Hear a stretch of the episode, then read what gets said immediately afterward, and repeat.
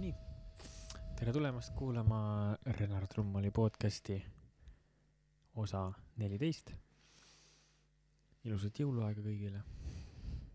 sealt ka jõulutemaatiline kampsun, kes ei videot ei vaata, vaid hoopis kuulab. ja tänane osa on pühendatud äh, teemale, mida, millest kõik me oleme puudutatud. ja selle teema teemaks on kodusünnitus või üldse sünnitus ja täna on äh, siin ka minuga saatekülaline, minu kallis kaaslane Kaisa. tere. tere, tere, kallis Renar. tere. me elame samas majas, nii et on lihtne, lihtne kokku saada. no kas, kas nüüd nii lihtne praegusel ajal? jah, äh, selline disclaimer ka ette siis, et äh, beebi magab vankriga õues, pooleteistkuune Remi. et kui mingid hääled tulevad, siis võib tekkida paus peab minema kussutama. jah, äh, enne kui läheme sünnituse juurde, siis äh, ma küsin sinu käest, et poolteist kuud on nüüd äh, lapsevanema elu elatud. mis, mis tunded valdavad kuidas on elu muutunud? nii lai küsimus. kuidas on sinul ema roll välja tuleb mm.? no esimesed kuu aega oli kõige raskem nüüd hakkab juba natukene lihtsamaks minema äh,. aga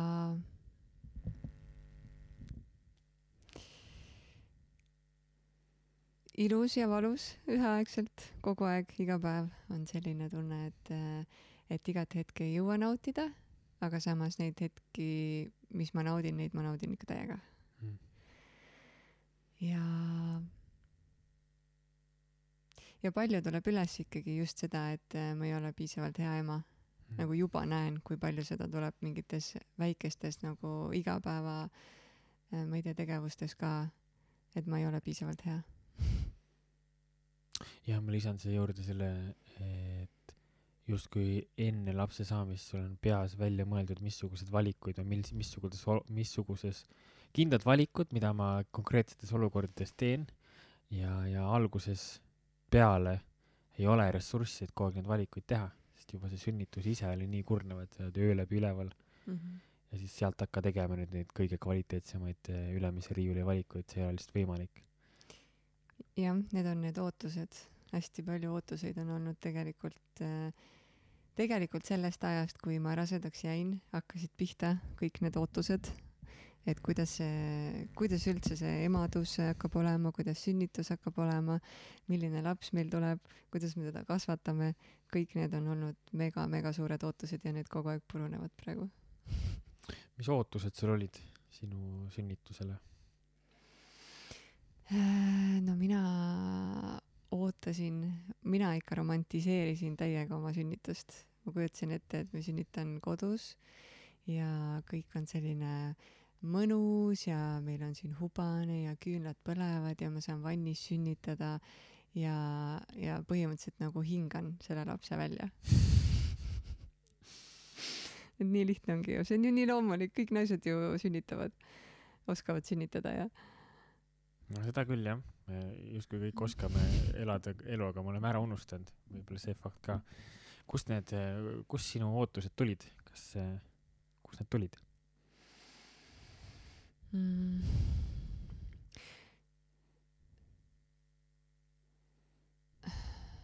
kust nad tulid või?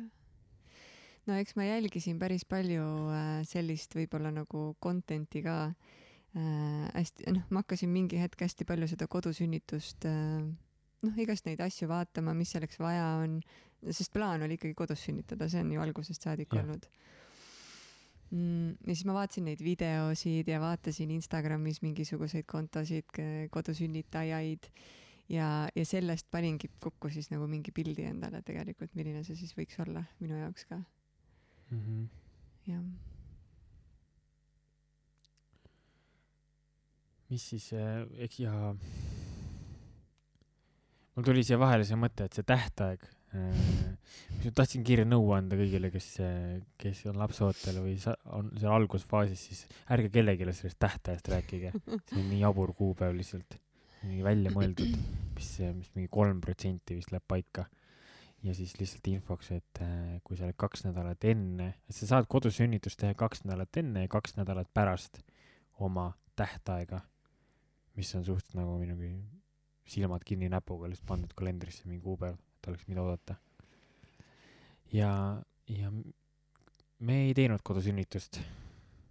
miks me ei teinud mm -hmm. seda? jaa, ma tahtsin ka siia vahele öelda veel seda, et, äh, et kõik, kes ootavad beebit, Äh, ongi see, et endale ka pigem nagu mõtle, kui sulle antakse see tähtaeg, siis pane sinna igaks juhuks juba juurde kaks nädalat et, et lihtsalt sa ise ka valmistud selleks, sest noh, ongi, kui see tähtaeg hakkab nüüd kätte jõudma, sa tead, et okei okay,, ma nüüd homme peaksin sünnitama, siis noh, peaksin sünnitama justkui nende paberite järgi seal onju, siis äh, hakkab see stress, stressiaeg pihta kohe, kui nagu hakkab minema natukene üle.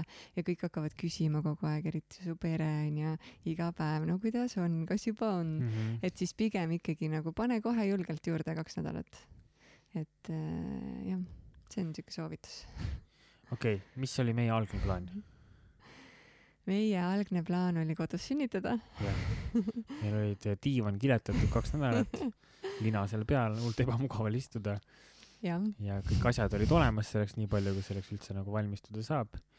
ja siis see tähtaeg lihtsalt läks, või tähendab siis oli tähtaeg, läks nädal, läks kaks ja siis tekkis olukord, kus kodus sünnitamine ei olnud enam eh, legaalne sellega jah, et siis, kui sa otsustad ikkagi teha seda, siis seal võib järgneda äh, seaduse ees siis komplikatsioone lapse isiku et kui meditsiinitöötaja ei tunnista lapse sündi, siis seal võib tekkida mingi olukord, et sa pead tõestama selle lapse sugulust iseendaga, et saada lapsele isikukoodi.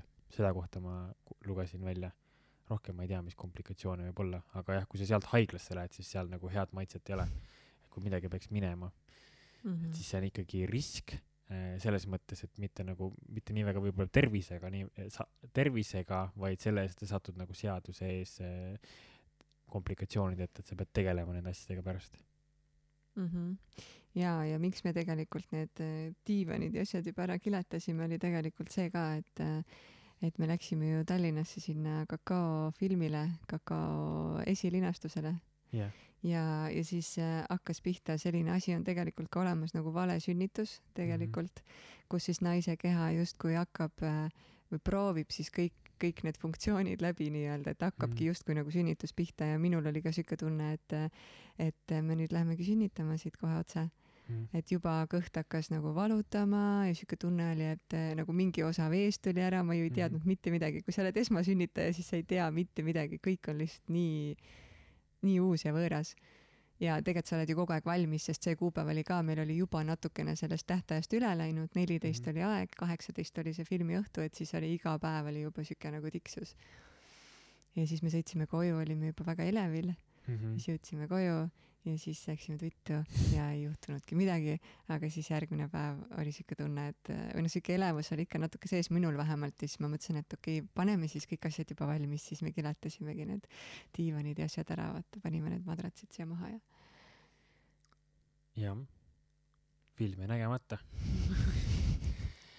äh, ruttan veits ette siin küsimustega äh,. miks sa soovisid kodusünnitust teha mm? -hmm kõige suurem põhjus oli see, et ma väga-väga soovisin, et, et mul oleks see minu ruum mm. -hmm. et mul oleks, ongi need asjad, noh, et mul oleks selline hubane, hea, turvaline, soe siin ruumis olla, sest et see on kuidagi nii intiimne protsess on ju sünnitamine. ja kui ma mõtlesin selle haigla peale, siis mul kohe tekkisid need pildid, kus seal võibki tulla igasuguseid inimesi suvalistel aegadel uksest sisse. tulebki. jah, ja tulebki tegelikult onju. ja, ja see ei olnud üldse nagu see, mida ma tahtsin mm,. teine hästi suur põhjus on ilmselt see, et, et iseenda eest siis nii-öelda seista või nagu sellisel hetkel, kui on, ongi, et sa oled seal, hakkad sünnitama, see on väga selline mm,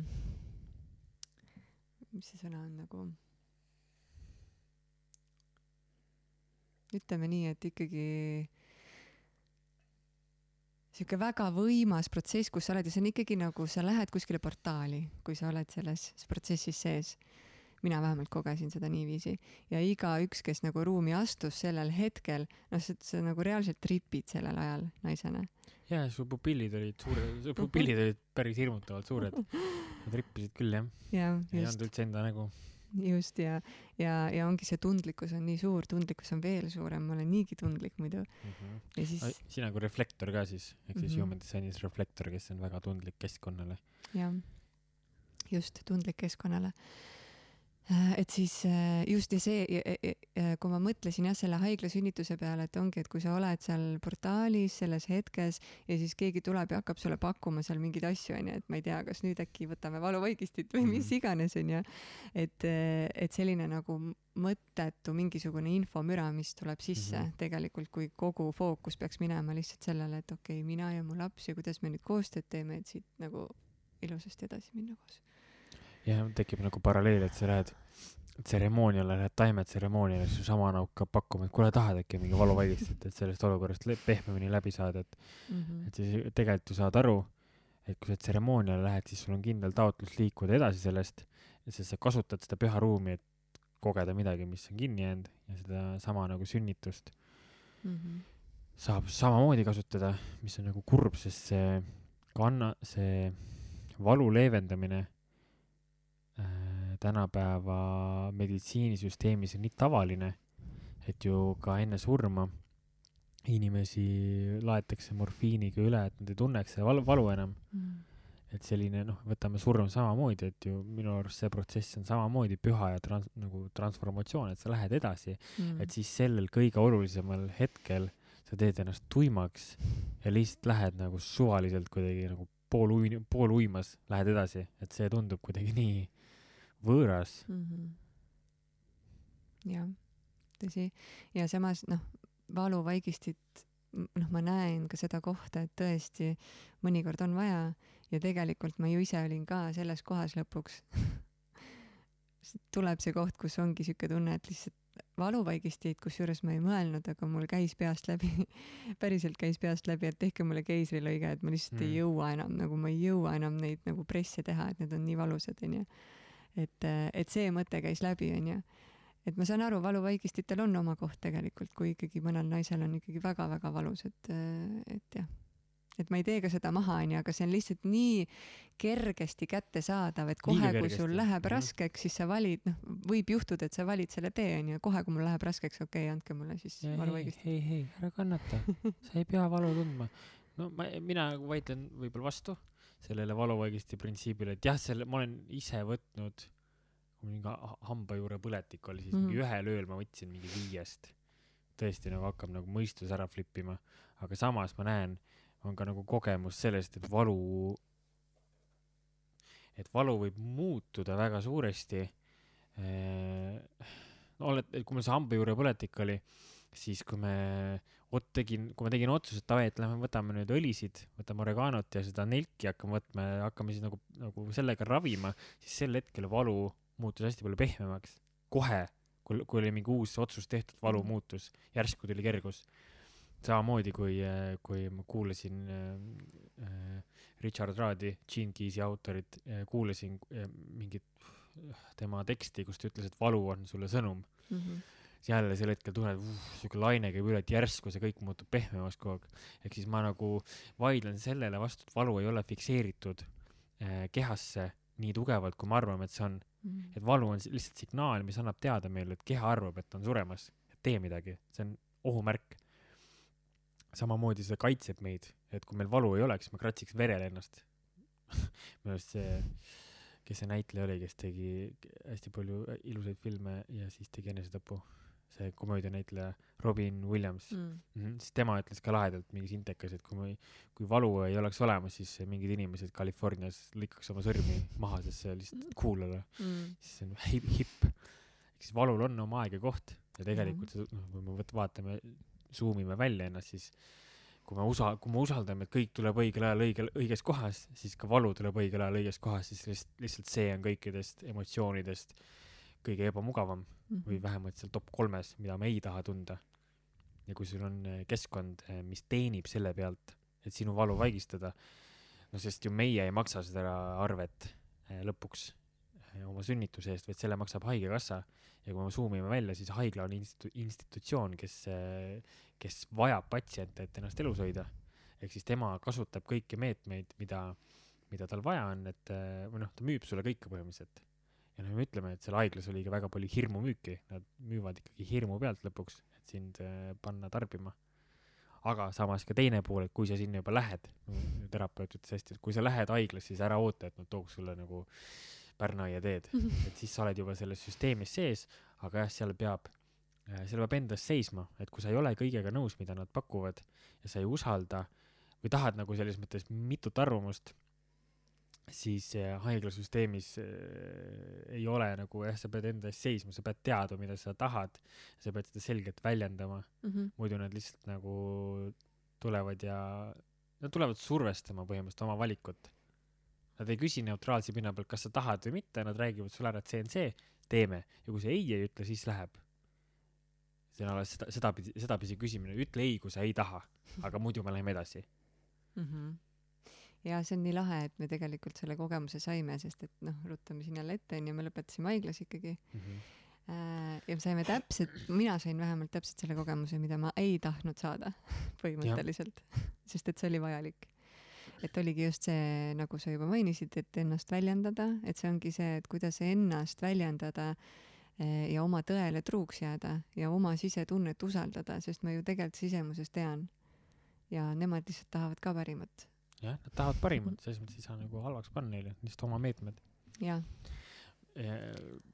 tuli see teine põhjus ka, et miks kodusünnitust teha, et kui me sünnitusel olime, siis seal tuli valvearst tuli sisse ja siis ta ütles, et oota, ma siis korra katsun, kus maal see beebi on ja siis ma vaatan seda olukorda pealt ja minus elab mingi nagu selline ürgne indiaani pealik kuidagi. ja ma kuidagi mõtlen, et kui, kui me saime hakkama niimoodi, et me elasime karusnahkadega mingites äh, hi-, mitte higitelkides, vaid mis need on need, püst- topad, tupad tipid või? tipitelgid jah, et kui me suutsime nendes elada niimoodi, et me suutsime äh, Põhja-Ameerika, tänases Põhja-Ameerikas selle kliima üle elada niimoodi, et me kasutasime nagu mingit äh, puuoksi ja mingit nahku ja tuld ja kui me saime nii elatud inimesena, siis, siis me, me oleme kordades vastupidavamad liigina, kui me arvame, et me oleme. Meie kõige suurim vaenlane on mugavus selles mõttes, et me tahame mugavat elu, me ei taha kannatada enam, me oleme harjunud keskküttega ja, ja kätte saa-, toidu kättesaadavusega, et me sööme kolm korda päevas. et need asjad ei ole kogu aeg nii olnud. et ma kuidagi alati pooldan seda nagu loomulikku viisi sellele. ja siis samal ajal, kui see sünnitus seal käib, siis ma mõtlen, et see protsess on jah, nagu sa ütlesidki, et naine tegelikult teab, kuidas seda teha. no iga naine teab Mm. seda ja ta saab selle lapsega kooskõlastada, et seal on nii palju muid tööriistu ja siis, ja siis see kuidagi protsess on nii loomulik, nii püha ja nii ilus ja, ja, ja, seesama, et, et keegi tuleb sinna ja lihtsalt paneb nagu näpud sisse sinna, siis ma olen mingi what nagu mi- nagu see, see on mingi püha portaal, kust tuleb uus elu välja, siis mingi suvaline vend tuleb kummikindaga sinna ja lihtsalt katsub, sest saada mingit infot. Mhm. ja noh, see pidev, see mingi südame, lapse südamerütmide mõõtmine, mis tegelikult segab protsessi lihtsalt Mhm. sellepärast, et dokumenteerida. Mulle tundub sellepärast, et, et haigla saaks nagu noh, kuna haiglal on vastutus, kui nad su sisse võtavad, siis nad peavad sinu eest hoolitsema, vastasel juhul sa saad neid kohtusse kaevata, sest kui nad ei teinud nagu justkui kõike paberi järgi. et seda dokumenteerimist on nii palju, mis on muidugi arusaadav, sest äh, need Mhm. institutsioonid peavad täna seda tegema, et kaitsta ennast, arstid samamoodi, aga lihtsalt see protsess on nii, keeruliseks aetud. ja samal ajal ka nagu Mhm. kodusünnitus on nagu keeruliseks tehtud, et seda nagu noh, võid rääkida, kui sa, mis, mis kogemus siis äh, sinul oli, kui sa ütlesid oma ämmakale, et sa tahad kodus sünnitada? Mhm.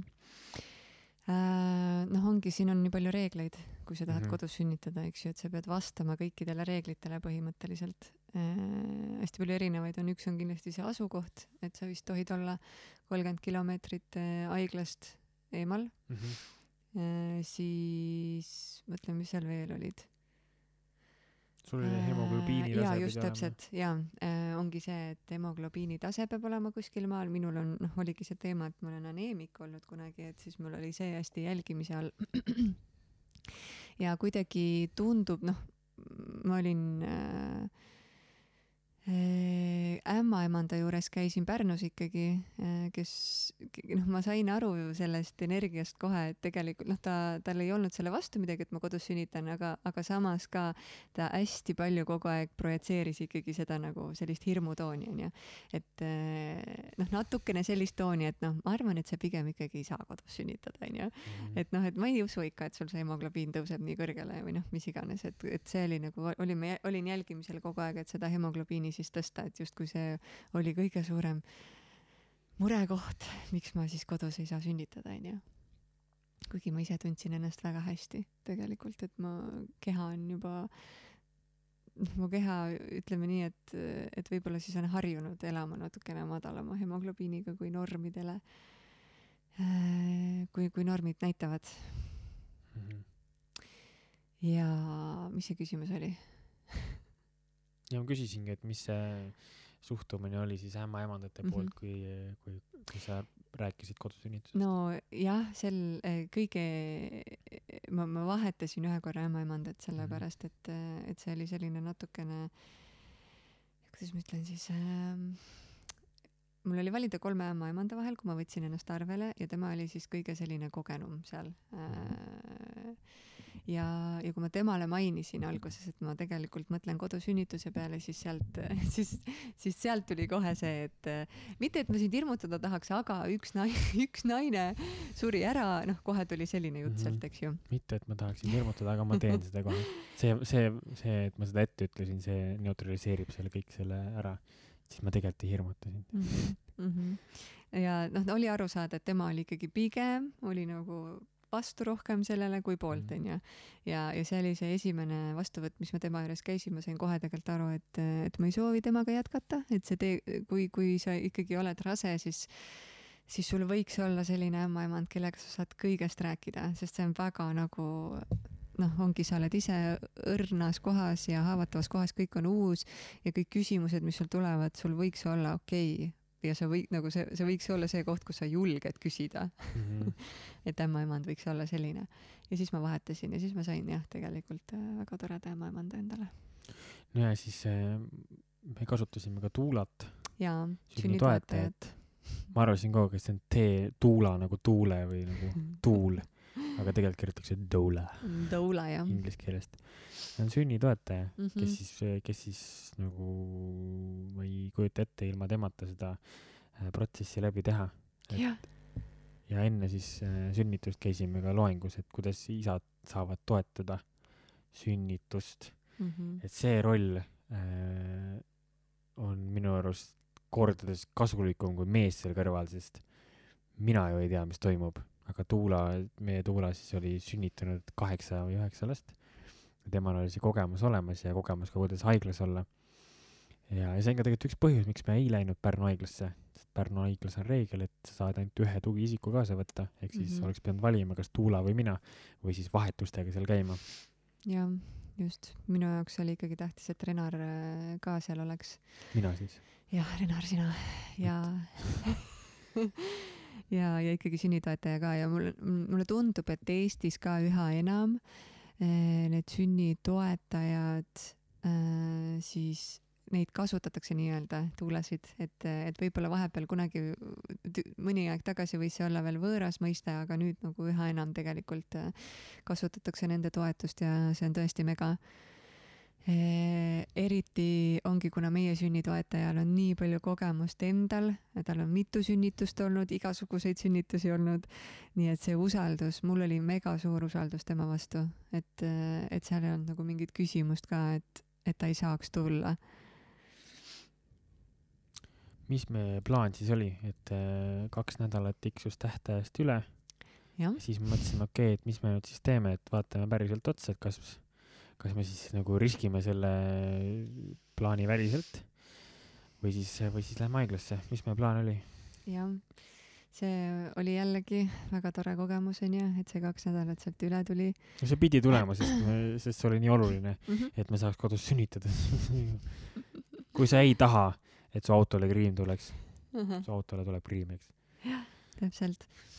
ja mm, noh, esiteks juba see, et ma nii-öelda üle kandsin, eks ju.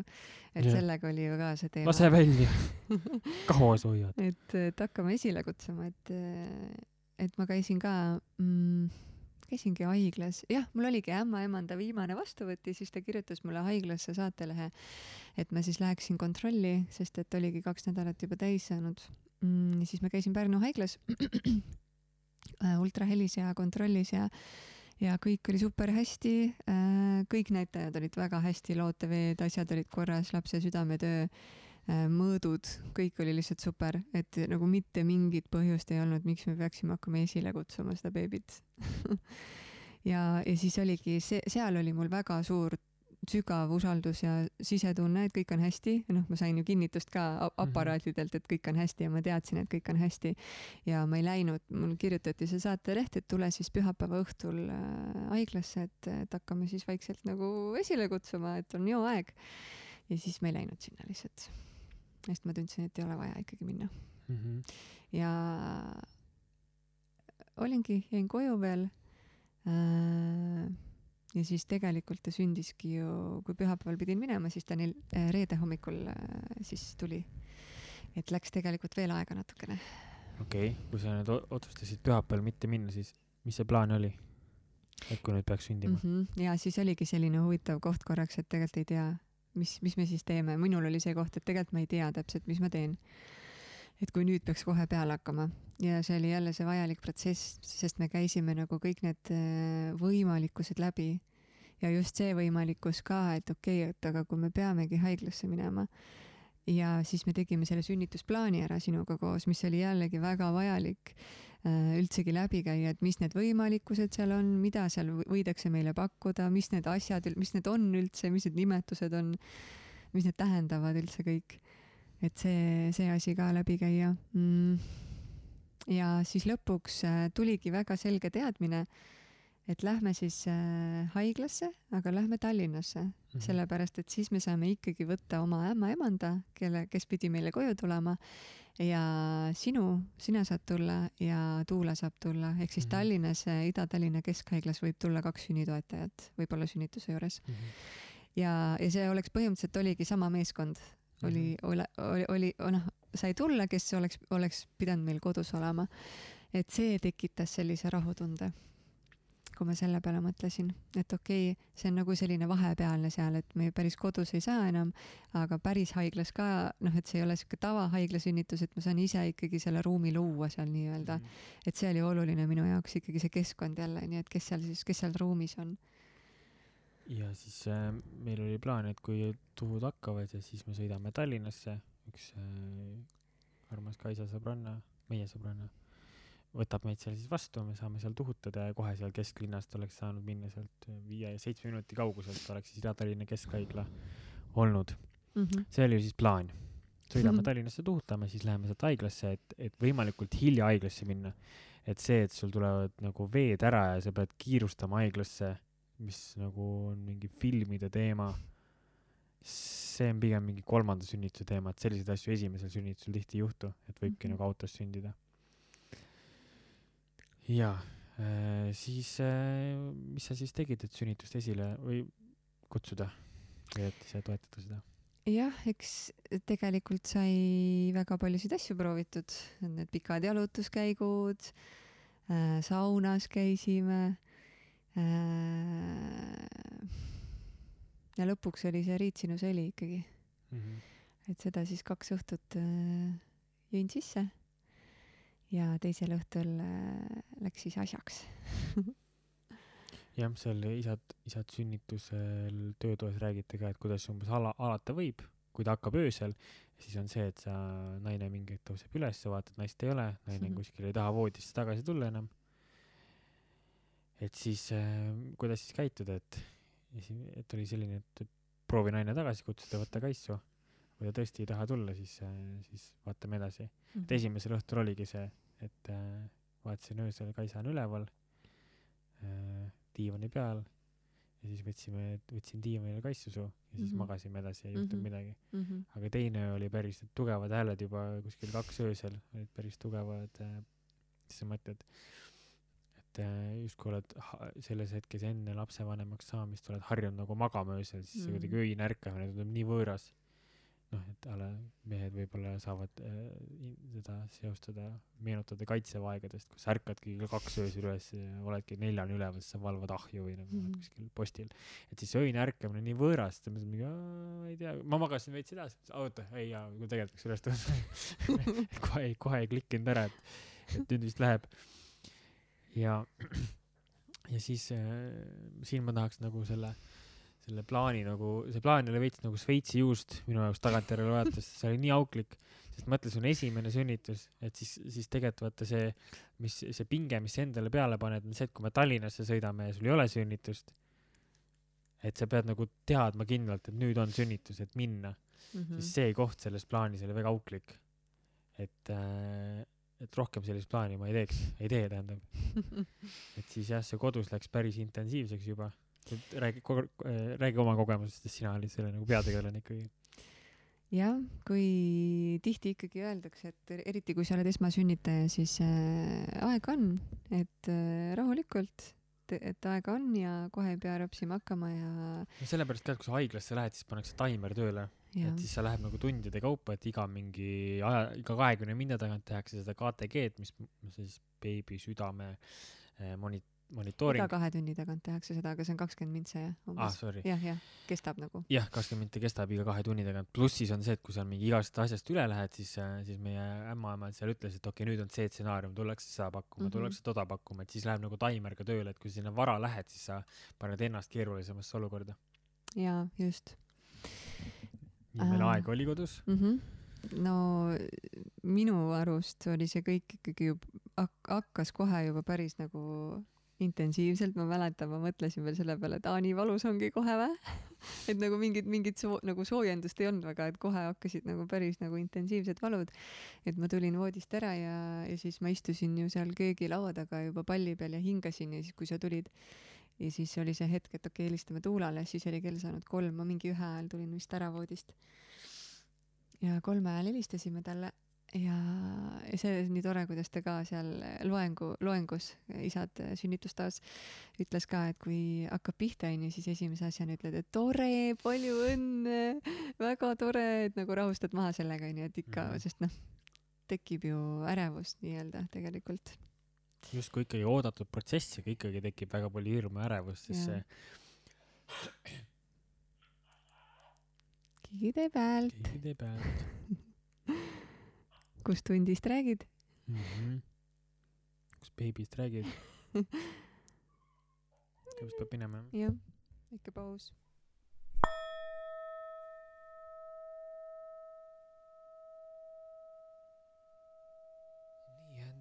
back. Nii lahe on nagu seda, seda, mis sa enne mainisid ka, see ootuste lahtilaskmine, see, et sa lähed, lähed nüüd last nagu äh, vankriga jalutama, palun jää magama. et, et ei jääks liiga suurt pausi. Ja nii kaua, kui seda mõtet mõtled, see laps lihtsalt ei jää magama. ja siis, kui sa mõtled, okei okay,, et äkki nagu siis, et see salvestus läheb lihtsalt uuesti tegemisele, et see on ka fine, Mhm. et äh, sellest lahtilaskmine kogu aeg, et see on aktuaalne nagunii kogu aeg, aga lihtsalt lapsega neid momente tekib rohkem, sest laps ei käitu kunagi niimoodi, nagu sa tahaks. ja siis, kui sa lased lahti sellest, et, et see peab nii minema, siis, siis tihtipeale tekib see ruum, et see saab nii minna. Mhm. just nii, jäime sinna, et sa olid siis äh, köögis, sünnitus hakkas, sünnitustegevus hakkas pihta, sina olid köögis juba palli peal põrgatanud ennast ja siis äh, tulin ka mina ja kuidas siis edasi läks? mm. -hmm. Ja siis me, siis ma helistasin Tuulale ja ämmaemandale ja nad mõlemad ütlesid, et aa, rahulikult veel chill, mine proovi magada ja mine voodisse ja puhka veel onju, sest kell oli kolm öösel. ja siis me tegelikult läksime voodisse äh,, aga me ei saanud üldse olla seal, sest tegelikult oli ikkagi päris valus juba. et pikali olemine oli ikkagi päris piin, et ma mingi hetk proovisin ja noh, oligi, et seal äh, valude vahel, tuhude vahel äh, ma sain magada, noh ongi nii, et sa hakkad just suikuma sinna unne ja siis tuleb see järgmine hoog peale nagu. ja, ja siis äh, kuue ajal äkki helistasin uuesti Tuulale ja läksime vanni, läksin vanni ja ja tegelikult siis oli ikkagi väga intensiivne juba ja ja vannis ma mäletan et äh, küsisin veel mitu korda ka nagu su käest et et kas noh kas Riinu juba tuleb vaata -hmm. et kas tule juba tuleb nagu sest et äh, noh tõesti nii noh ongi see et et ma ei, ei, sa ei tea, kui sa oled esmasünnitaja, sa ei tea täpselt onju, kui palju sul aega on mm, -hmm. tundub juba, et nagu, et no ma ei tea, äkki ta nüüd juba kohe tuleb onju, et mm -hmm. me oleme siin täiesti üksi, et et, äh, et mis siis saab, et väga palju hirmu ikkagi hakkas kohe ülesse tulema, ma märkasin. Ja eks see hirm lõpuks oligi see, mis, äh, mis võib-olla juhtis mingi hetk. Äh, enne seda sünnitust oli ka, mis äh, see küsimus, mida endalt siis naine saab küsida, et, et, kui ma mõtlen praegu sünnituse peale, et mis tunded mul tekivad, kas kas on mingid hirmud, siis on see eeltöö, mida saab ära teha. Mm, -hmm. et saab neid hirme hakata läbi kogema juba enne sünnitust, et kui see sünnitustegevus tuleb, siis tuleb nagunii midagi ülesse mm, -hmm. et siis on lihtsalt võimalik nagu selle, seda protsessi ära kasutada äh, suuremalt. ja, ja mis see noh, ongi tegelikult ju, mis see baas, baashirm selle kõige all ongi see, et, et mis siis, kui midagi juhtub, onju, või noh, mis siis, kui ma ei tea, mu laps sureb ära näiteks, noh, see on kõige suurem hirm, mis tegelikult hakkab siis nagu drive ima, onju. Jah, see oli haiglas ka teema, et mis siis, kui meie nagu uskumused osutuvad vääraks, et mm -hmm. siis me ajasime lihtsalt kangekaelselt mingi rodu ja nüüd meil on beebi, kes on kas siis vigane või siis üldse ei ela enam mm, -hmm. et see mhm. hirm on see, mis yeah Äh, noh, taustal ma arvan siiamaani on, et äkki sa teed, noh, võib-olla nagu jah, ja see taandub ikka surmahirmule, et äkki sa teed midagi, eh, mis põhjustab beebile siis täiskasvanu eas äh, suure, rohkelt kannatust mm. -hmm. jah, ja no tulles tagasi selle sünnituse juurde, siis oligi, kui mäletan, kui ma seal vannis olin, siis äh, ma veel ütlesin ka sulle, et et Renar, ma arvan, et me ei jõua siit Tallinnasse nagu mm, -hmm. ma ei mhm. kujuta ette, kuidas ma üldse peaksin ennast nagu riidesse panema ja siit mingi autoga sõitma hakkama. ja no oligi tegelikult korra, see, see oli nii nagu selline imepisike hetk või noh, see noh, oligi, see oli õhus täiega, et me jääme koju ja me sünnitame nagu kodus ära et lihtsalt siit ei ole enam varianti, et see on juba, olukord on läinud liiga kaugele, et siit enam sõitma hakata kahte tundi ta Tallinnast, et see on jabur mm. -hmm ja kuidagi ma tundsin, et oligi vaja, et Tuula tuleb ja võib-olla tema kinnitust mingis mõttes, võib-olla tundsin, et oli vaja, onju, et et, et okei okay,, sünnitame kodus, aga tema ei saa sellist asja tegelikult nagu öelda, et tema mm -hmm. on pere jaoks olemas, ta on toetaja ja mm -hmm. tema teeb ikkagi seda, mida pere otsustab mm. -hmm. hinnangute vabalt siis nii-öelda, onju. et tema on Tahak, seda. Tahaks oma sisehäält kuulata, aga niimoodi, et keegi nõustub sellega keda ma usaldan. tahan, tahan usaldada, aga niimoodi, et nagu kõik on hästi. Mm -hmm jah, ja siis me seal vannis olin ja, ja siis äh, tuli Tuula, vaatas üle, kuulas lapse üle, ütles, et kõik on hästi ja helistas ämmaemandale ja siis ämmaemand ikkagi ütles, et istuge kohe autosse, te jõuate ilusasti ja tulge ikkagi haiglasse. ja noh, ongi sellise rabe hetk, et, äh, et siis võtsime ikkagi selle otsuse vastu, et okei okay,, lähme siis haiglasse aga otsuse jõud on ju, et kui ma üks hetk mõtlesin, et ma ei tea, kuidas ma siit vannist praegu püsti tõusen ja riidesse panen, aga kui mm -hmm. see mhm. otsus sai tehtud, et okei okay,, lähme siis ikkagi Tallinnasse, siis mm, -hmm. siis ma sain sealt püsti ja riidesse onju mm. -hmm ja see oli veel omaette kogemus ikkagi seal tuhude vahepeal ennast riidesse panna ja noh, kui sa juba oled seal portaalis ja kõik juba käib ja ja see autosõit oli kõige kohutavam kogemus vist no kogemus on kogemus, aga aga see oli tõesti väga ebameeldiv et sõidu pealt niimoodi nagu hoida siis nii-öelda tagasi seda looduse jõudu või et, et su keha ju äh, su keha ise töötab, onju, su keha ise hakkab nagu, noh, mul hakkasid juba pressid tegelikult pihta lõpus seal, kui me hakkasime Tallinnasse jõudma. Ja see on väga loomulik nagu keha protsess, keha ise hakkab seda tegema. ja seda tagasi hoida, noh, see, see on ikka päris julm, see on niisugune töö. Ja, ja siis ma olingi seal neljakäpukil äh, tuulas üles, äh, et nagu natukene valusid leevendada. Ja, ja siis tõmbasin oma selja ära seal niimoodi kaks tundi ja no täiega siiamaani veel nagu imetlen seda, et sa suutsid nagu sõita seal liikluses niimoodi full on nagu fookuses. noh, mina ei tea, mis sul toimus, onju.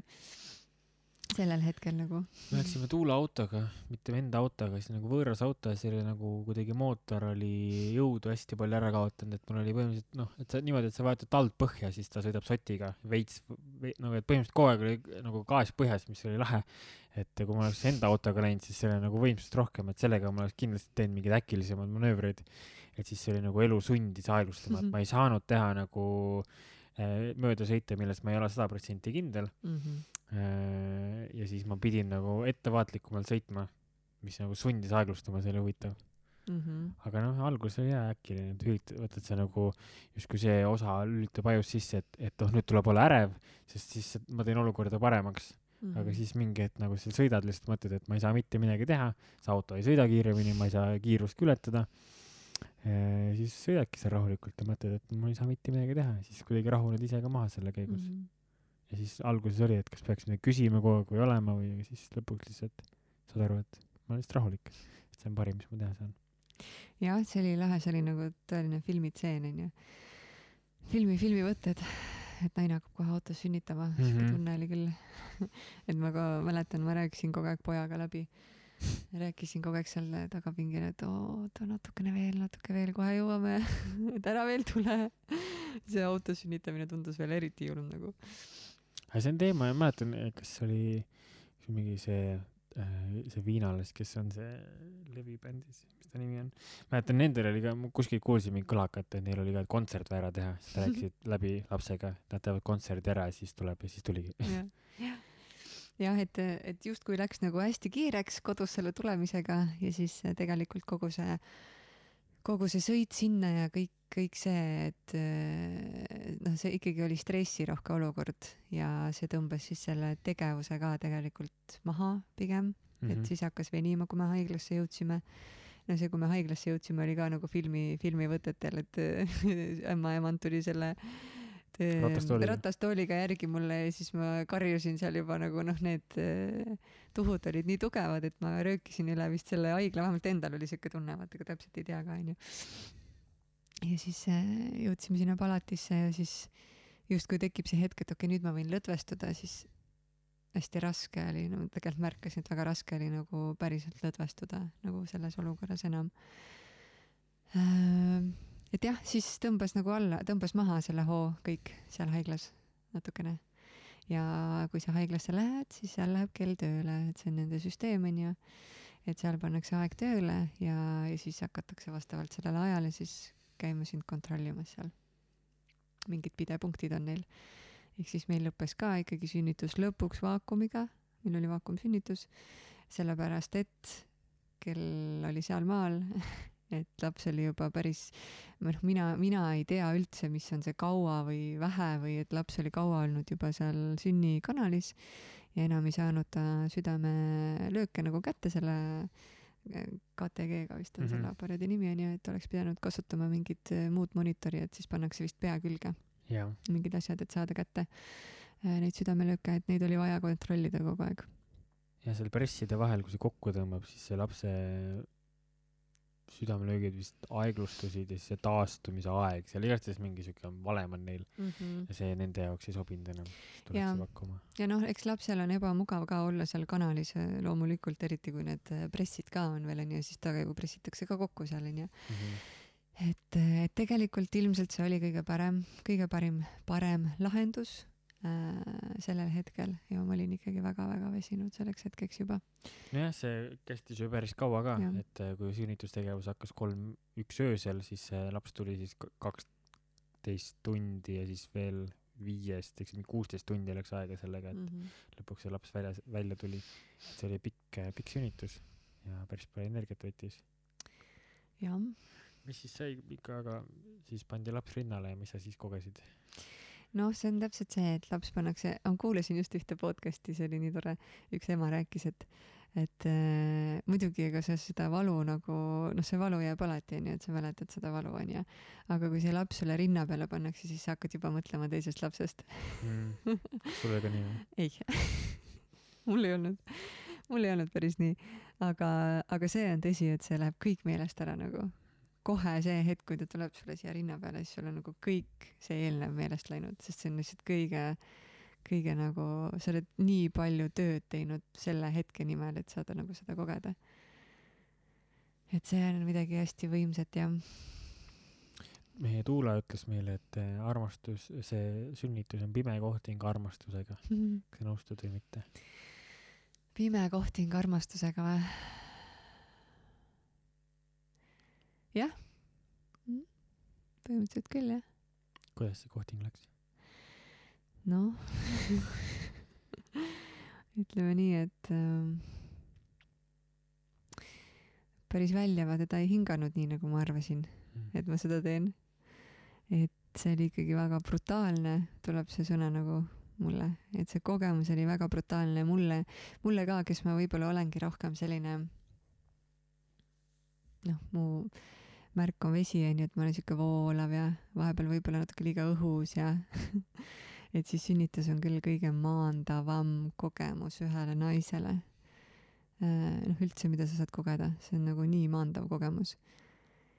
ja see oli, see oli brutaalne, see oli nagu toores ja valus ja see valu on selline, mida ilmselt eh, noh, ma ei oska ju kirjeldada, sa ei oska kirjeldada naisena seda valu, sa pead ise, ise kogema seda ainult, siis sa tead, mis, mis see valu on, onju, et see on teistmoodi valu kindlasti Mm. mida rohkem sa alistud, seda lihtsam sul on, aga noh, ongi, kuna ma selle selja seal autos ära tõmbasin, siis see kõik valu läks mul selga kogu aeg mm. -hmm. iga pressivalu oli seljas. et, et see oli päris nagu ebameeldiv, päris sul raske kas sul oli enda tervise pärast ka hirm sünnitusel? ei olnud üldse.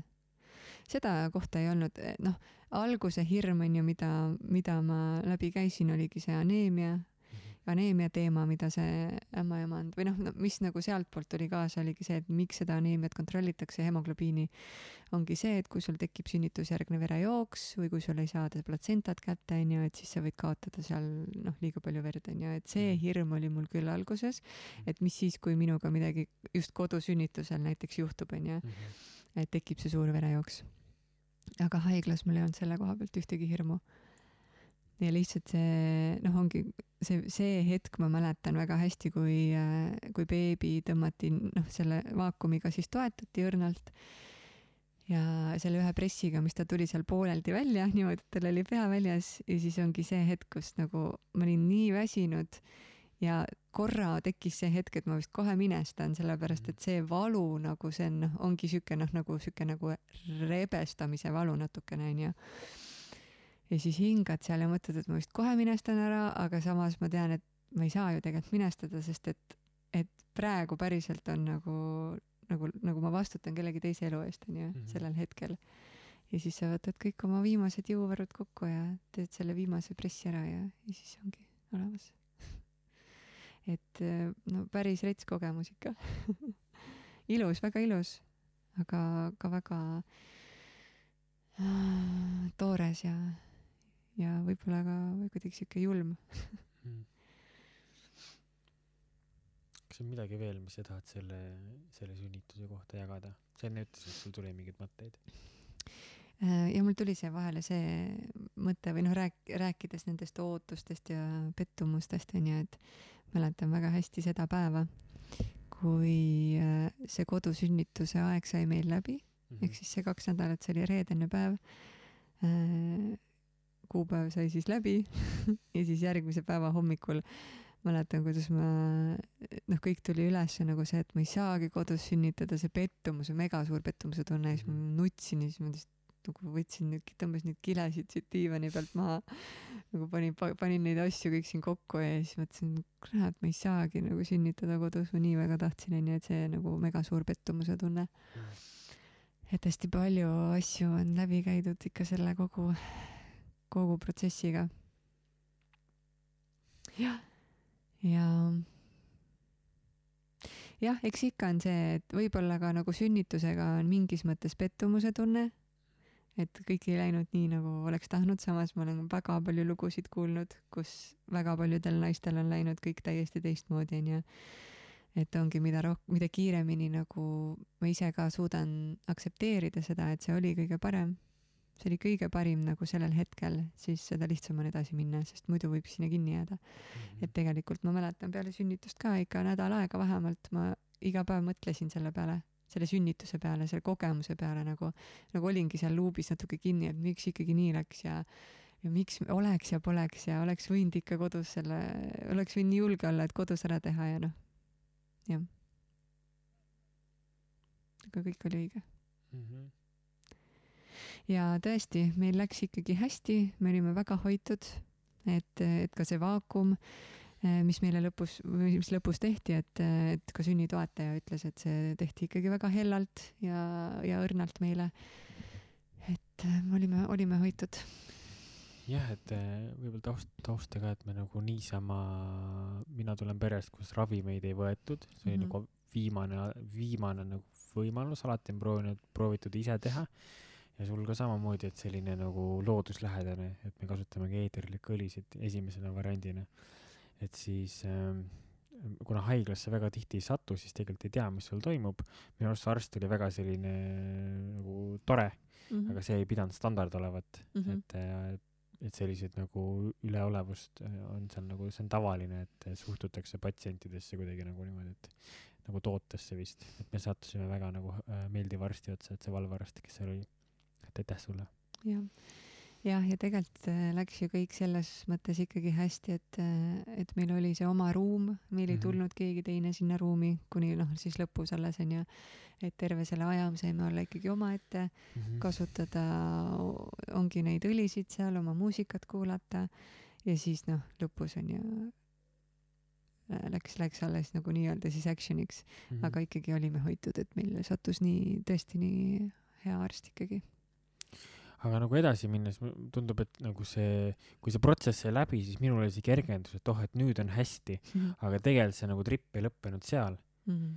sest see, kuidas see edasi läks, see nüüd, see olukord, see oli minu, minu jaoks oli see kõvasti raskem kui sünnitus, noh, et minul, minul sünnitus, seda ping-, sünnitusel seda pingutust ei olnud, ega pärast seal arstidega võitlemine, et me siis keeldusime vaktsiinist ja K-vitamiini süstist, nagu kui ma ei tea, kui tundub, et ei ole vaja, probleemi ei ole, siis mina ei näe, et peaks nagu tarvitama ravimeid.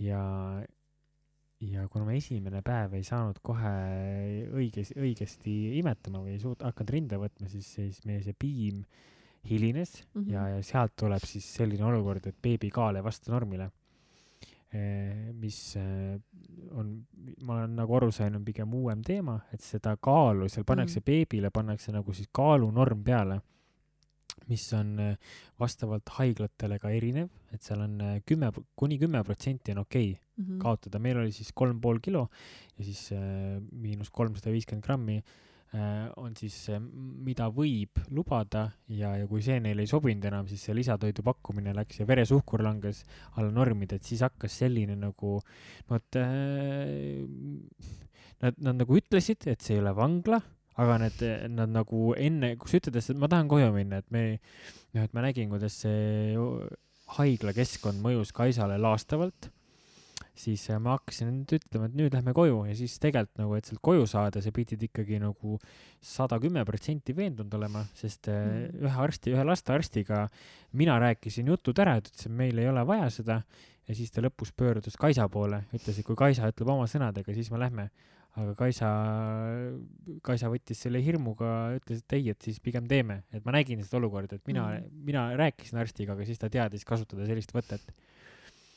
et see, see oli ikkagi nagu, seal ei saa, seal ei ole hea magada, seal ei ole hea keskkond, see ei ole keskkond, kus pärast sünnitust taastuda minu jaoks jah, ongi täpselt oleneb, oleneb kõigi tundlikkuse astmest onju no,, me oleme mõlemad väga tundlikud tegelikult keskkonna suhtes. see oligi üks suurimaid põhjuseid onju, miks me ei tahtnud haiglasse minna, sest mina olen olnud kunagi haiglas, ma juba tean, mis seal toimub. ma olin väiksena haiglas, vist mingi kuu aega äkki. ja olen seal olnud hilisemas eas ka ja, aga noh, see kogemus nagu tul-, noh, olnud nagu värskelt tulles jah, sellisest nagu tripist on ju, elutripp, mingi elutransformatsioon. ja, ja siis ongi see, et sul ei ole seal privaatsust, igaüks tuleb seal igal ajal sisse, närvisüsteem on lihtsalt nii pinges kogu aeg, sul on see väike uus laps mm, -hmm. see elu on ju, on seal kõrval. ja siis äh, ongi see, et sa tahad talle parimat ja arstid tahavad ka talle parimat, noh, kõik tegelikult tahavad ju parimat, on ju aga me näeme võib-olla asju lihtsalt natukene erinevalt ja ongi see, et, et sa pead väga kindel olema oma sisetundes. et Jah. jah, ma tunnen, et ja oligi see, et, et me ei saanud teda kohe mm, üks soovitus tuleb kohe siia vahele nüüd eh, noortele emadele, eks ju, või tulevastele emadele, kui sa oled ka praegu rase ja kuulad näiteks äh, jaa, sünnitus on väga tähtis ja tiht-, mina tundsin, et ma valmistusin nagu väga palju, panin energiat selle sünnituse peale just, et nüüd, nüüd on see sünnitus ja nüüd see peab nii olema, aga mis pärast saama hakkab, et see on ka üliülioluline, et sa selle nagu mõtleksid läbi enda jaoks. ja just selle koha pealt ka, et, et see, kuidas see imetamine hakkab olema, sest mina jätsin imetamise täiesti tähelepanuta, sest ma arvasin, et see on ju kõige loomulikum asi üldse, et sa paned ta sinna rinna peale ja kohe hakkab imema ja ongi kõik, onju. aga tegelikult on selle imetamisega ka nii palju trikke, et ongi see piim ei tulegi kohe alguses, alguses tuleb ternespiim, selline mm -hmm. siis nagu ma ei tea, vee moodi rohkem, kui see päris piim hakkab tulema ja see on kõik okei okay,, see on täiesti okei okay. aga kuna ma ei teadnud neid asju nii täpselt, siis ma ei olnud kindel, kas see on okei okay. ja noh, ja siis hakkaski see kaalulangus. sellel on ka veresuhkru langus, piim hilines, siis tita sai järgmisel hommikul alles piima. kui üks ämmaemand näitas meile trikki ära, et Mm. ja see koht ka, et tahad nagu titaga hästi ellu olla, et mingi Jaa. ei, Nüüd on ju õrn. ja siis tulevad need ämmakad on mingi küünarnukiga titale, no et nad on nagu, esimene ämmakas küll võttis selle tita kätte, mõtlesin, et ta nagu vihkab seda titat vist, sest ta oli nii karm selle titaga. no ta ei, tal olid jah siuksed konkreetsed liigutused ikka kohe nagu noh, siuksed jah jah. Aga samas ta saigi imetama, et seal ei olnud seda, et, äh, et peab nagu õrnalt ja paitama, ta ütleski, et ärge, ärge silitage beebit, et tekitage nagu see vahe, et nüüd ta sööb ja nüüd ta magab, et tekitada Mhm. see, tekitada selle erisus. et võtta isegi riidest paljaks ja sügada varbad, et oleks ebamugav, et hakkaks imetama Mhm. või hakkaks imema, tähendab. et siis tegelikult ta andis väga kasulikku võtte. jah, ja eks oligi see, et äh, mina olin megastressis seal, et äh, stress oli väga suur ikkagi lõpuks ja ja piima ei tulegi, kui naine on stressis, kõige tähtsam ongi see, et naine saaks kohe äh, et tal oleks kõik tingimused täidetud mm, -hmm. et Mhm. olekski, sa oled endale heas keskkonnas, sul on hea olla, sinu eest hoolitsetakse ja siis hakkab piim tulema, kui sa oled Mhm. lõdvestunud, onju.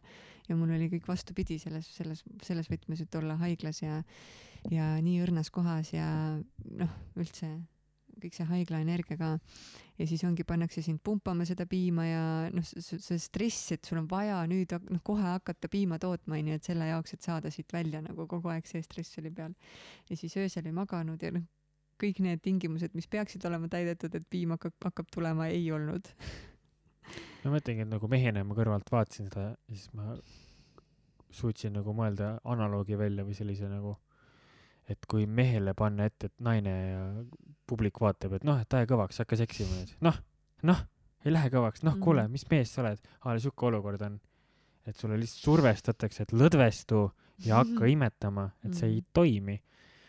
ja see olukord läks niimoodi, et, äh, et ma nägin lihtsalt, kuidas Kaisa silmaalused on mustad juba, halb on olla ja, ja mina siis nagu ütlesin Kaisale, et lähme minema, et no mina ütlesin sulle ka, et, et ma tahaks tegelikult koju minna, sest ma tean, et kohe, kui ma koju saan mm, -hmm. Mhm. et siis saab kõik korda nagu, et mul on vaja seda enda keskkonda, onju. jah, ja siis aga samas oli ka see, et, et, et me justkui nagu jäime sinna lõksu, et me tahtsime arstide hea, heakskiitu saata, saada, et siis selle koha pealt koju minna, aga Mhm. arstid ei nõustunud sellega ja me piima ka ei tundnud, siis me olime nagu justkui kahe maailma vahel, et kas me siis nõustume kõige sellega, mida arstid pakuvad ja siis lähme siis ise koju või siis lihtsalt võtame nagu jala maha, paneme jala maha ja lihtsalt lähme koju. aga siis mingist hetkest jah, see veresuhkur läks madalaks äh, ja siis äh, üks arst hirmutas meid niimoodi ära, et me andsime ühe õhtu või järgmise hommiku andsime lisapiima.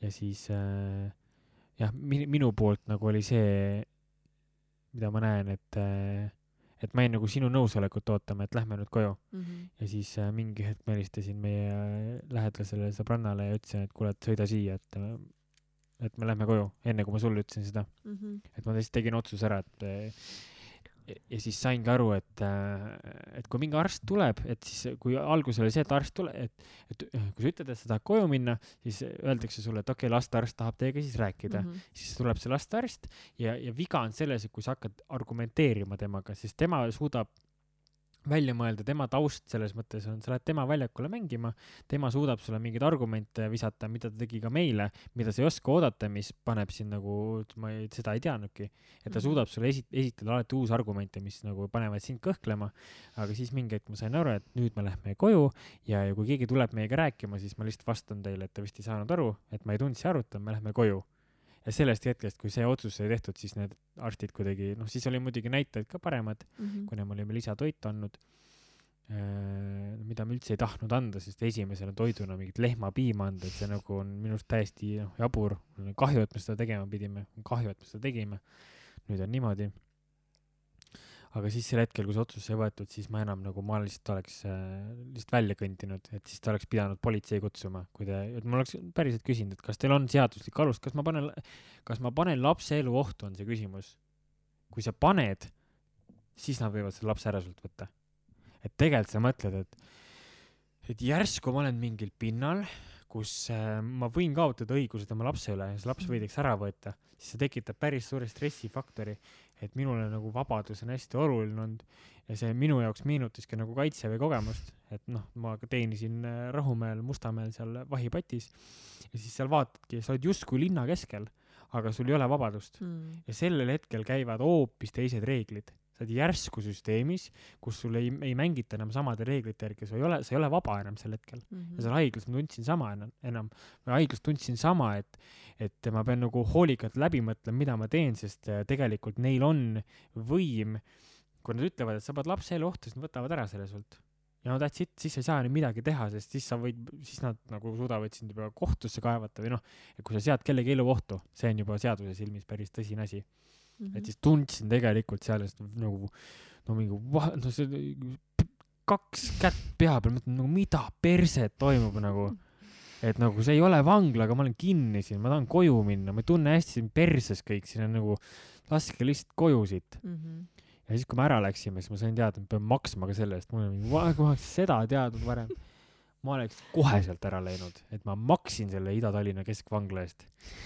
Vabandust siin on võib-olla laeng aga täna on juba see see on see on neutraalsem kui sul alguses oli jah, sina said ikka selles mõttes äh, toreda oma kogemuse onju. ja vabaduse kaotamine on üks Jah. suurimaid hirmu hirme noh, ja siis selle sa said. Selle kogemuse. jah, et eks seal tuli palju asju üles onju, et mina tundsin, mis äh, võib-olla kõige suurem koht minu jaoks oli see hea tüdruku sündroom ikkagi onju, mis lõi jälle välja, et ongi see, et äh, me peame ikkagi ju arstidele nagu meelepäraselt äh, või kõik peab olema nagu by the book onju, et Mhm. äh, me peame saama selle nõusoleku, et jah, kõik on hästi, nüüd te võite minna onju, et keegi Mhm. teine ütleb seda, ongi see, et äh, noh, hea tüdruku sündroom onju ja no, noh, mina olin ju nii läbi ka selleks ajaks, et mina ei suutnud seal väga mingeid otsuseid üldse vastu võtta, et nutsin seal mingi iga hommik ja õhtu ja noh, ongi lihtsalt, see on nii suur transformatsioon ja ja naise, naise elus üldse kogu see hormoonide kompott, mis seal nagu noh, hormoonid äh, muutuvad nii, nagu see ampluaa on nii suur ja lai onju, et ongi, et sa ei saa ise aru, kes sa oled enam onju, sest et äh, sa oled ka uus äh, naine nüüd pluss lisaks äh, on õmblused kuskil, sa oled katki, sa ei saa hästi liigutada ennast, siis sul on see beebi, siis sul piima ei tule, no nii palju asju onju ja sul ei ole nagu seda oma turvalist keskkonda onju, et mm -hmm. Mhm. nii hea, et Renar seal oli. ma ei kujuta päriselt ette nagu naisi, kes on üksi näiteks sellises olukorras või noh, kujutan, noh, eks igalühel oma kogemus, mina olen lihtsalt väga tundlik. No meil oli ju äh, sinu naiste ring jah, kelle toetus oli selline et meil toodi süüa noh haiglatoit noh issand jumal. Sa teed ter- sa nagu tulid parandama aga sa paned sellist nagu mingi uh, no mingi ma- mannapuder ja kurgi se- sepik kus on juust ja kurk ja kohvi. Mingi sitt kohv ka veel no nii kohutav toit lihtsalt et see on nagu nii vastuoluline kuidas me tervendame sind aga me söödame sind täiesti surnud prügiga nagu see ei olnud toit. Aga noh õnneks meil oli eh, nii suur toetus eh, nagu Kaisa naiste poolt et meil toodi süüa meil toodi mis iganes vaja oli. Ja just mõtlesin ka selle peale et kui ma siin eh, Käruga just väljas käisin vahepeal siis mõtlesin et nagu nii palju toetust on eh, nende laste ümber me just ühtegi ühtegi riideeset ostnud mm. -hmm. nii palju asju on eh, antakse edasi ja mida me kindlasti ise edasi anname kui õige aeg on Mhm. et selles mõttes on küll nagu imetlus selle naisteringi toetluse suunal, sest meestega ma ei nagu, ja see võib-olla sünnitus on vaata selline ühtne osa kõikidel naistel, kõik mm -hmm. oskavad sellega empatiseerida. Ole see siis täidetud või täitmata emotsioon, vaata, et sa suudad igal juhul aga meestel võib-olla ei ole vaata sellist asja, siis see nagu, kui sa teadlikult ei loo seda just mm, -hmm. et siis väga imetlesin seda, kuidas see toetus kõik tuli ja, ja mõtlesin selle peale pärast seda, mõtlesin, noh, et nagu, et huvitav, et tahaks ka nagu meeste puhul sellist asja luua, et me oleme ikkagi nagu nii lapse kingades, mida, mida siis nagu ven-, vendlus suudab mm. pakkuda versus see, et mida õed suudavad üksteisele pakkuda. et see oli küll nagu äh, elupäästja, see toit, see mm -hmm. meid toodi, meie üks lähedane sõbranna tõi meid koju veel, aitäh sulle yeah. ja kõik see toetus, mis tuli ka läbi lihtsalt nagu sellise info, et või toetuse mm. -hmm ja eks see suuresti ongi kindlasti see, nagu sa mainisid, et eh, ainult teine naine teab, mida sa koged sünnitusel onju, noh, sama kui noh, ongi, kui sa oled ise seda kogenud, siis sa tead, mida see tähendab. mida see kogu kogemus tähendab, et selle, noh, sealt tekibki see võrgustik onju. ja noh, ma soovitan ka kõikidele lapseootele naistele, et, et enda kogukond ikkagi üle vaadata ja, ja julgelt kasutada nagu toetust ära, et päriselt küsi ka seda abi, kui sa oled, tean, väga raske on küsida, kui sa oled selles äh, raskes kohas, aga hea meelega tegelikult nagu teised naised tahavad sind toetada. ma isegi tunnen, et äh, ma tean, mis see tähendab.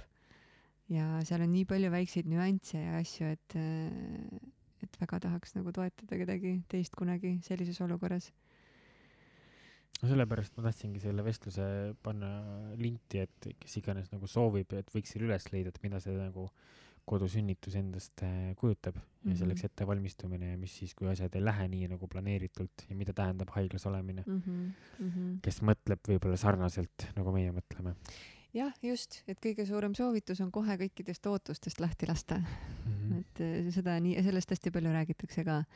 ja see ongi päriselt nii, et sa võid eh, mõelda küll, et sa sünnitad kodus ja kõik on super ilus ja tore ja, aga mis siis, kui ei lähe nii päris, et siis eh, kohe nagu mõelda välja või olla ühesõnaga valmis selleks, et võib juhtuda mida iganes. mida kiiremini sa adapteerud selles mm -hmm. olukorras, seda lihtsam on, onju see on üldse selline eduka elu alus mida kiiremini sa lepid ja lepid olukorraga, lõpetad vingumise ja mõtled, okei okay,, mis lahendused nüüd on. jah, just. kas on midagi veel? tundub, et see teema hakkab nagu ringi, ringiga täis saama, et kas sa soovid midagi lisada, nõuandeid, mõtteid?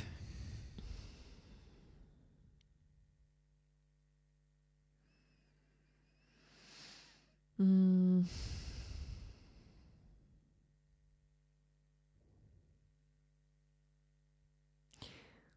no võib-olla ongi see, et hästi hea on võtta see hetk ja päriselt kahekesti maha, maha istuda mm -hmm. ja käia kõik need nagu võimalikkused läbi enda peas, mida me tegelikult lõpuks tegime, me alguses ei teinud seda mm. -hmm. et ongi see, et, et vaadata seda sünnitusplaani korraks, mis seal kirjas on, sest et noh, jällegi ei tea ju täpselt, mis seal haiglas olema hakkab, kui sa ei ole seal varem käinud käia need asjad läbi, arutleda üksteisega, kas sulle oleks see okei okay või mida sa sooviksid sellel hetkel onju, sest et väga tähtis on tegelikult läbi mõelda need enne, kui see hetk käes on mm, -hmm. sest kui see hetk tuleb, siis sa oled hoopis teises kohas ja siis sul on mm -hmm. päriselt ongi võib-olla lihtsam nagu öelda jaa mingitele asjadele, mida sa tegelikult ei vaja mm. -hmm.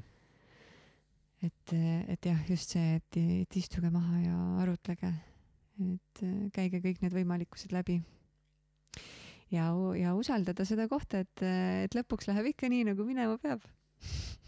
see, sul täpselt nii, see kogemus tuleb, mida on vaja kogeda läbi. et ei ole õiget või valet. ta tegi just häält ka nõustub mm,. aitäh. jah. jah, ja täiega julgustan, kui mõnel naisel on mingeid küsimusi, siis võib mulle kirjutada. ma hea meelega toetan, sest ma tean mida see kõik tähendab. nagu iga, iga rakuga olen läbi kogenud ja tundnud. ma ütlen jah, et omalt poolt, mis, kui sa tahad kas sa tahad meestele midagi edasi öelda äkki omalt Mm. poolt ma märkasin, mina nagu sünnituse ajal kaotasin nagu oma keskme ära, et ma ei hakanud enda eest hoolitsema, vaid ma hoolitsesin rohkem sinu eest. Et ma ei nagu ei suut-, et, et see, et kui ma korra sõin seal kõrval, siis mul oli mingi, ei, sa pead olema kogu aeg kõrval. mm. -hmm. et märkasin, ma kaotasin nagu enda keset ära seal, minnes nagu teenistusse. siis teine asi on see, et, et jah, selline nagu pere eest seismise esimene kõva õppetund oli, et ma jäin nagu sinu kõnnitust ootama, kuigi tegelikult ma teadsin, mis on õige. Mm -hmm. et siis mehena sa oled tegelikult seal, et kaitsta naist, sest äh, justki noh, täpselt see, et, et mehena sa saad siis nagu küsitleda kõik need nõrgad, mitte nõrgad kohad, aga need ebakindlad kohad, mis, kus naise, naine ei ole veel otsustanud, siis enne sünnitust sa saad mehena need läbi küsitleda ja näha, kus kohas mingid äh, no et kas sa noh, see epiduraal on siis see kõige kangem valuvaigisti, et ka sellega, et kas teha nagu kindel otsus enne ära. et see, mis me tegime, et mina väga toetasin seda, et sa ei soovi seda, sest see on ikka rets nagu tuimesti. Et siis äh, jah, küsida, küsida naise käest, mis on su hirmud, mis tunded sul on, kuidas sa nagu, et, et, ta, katsuda need võimalik nii palju, kui sa suudad, katsu need kõik kohad enne sünnitust läbi, see teeb Mhm. protsessi kergemaks.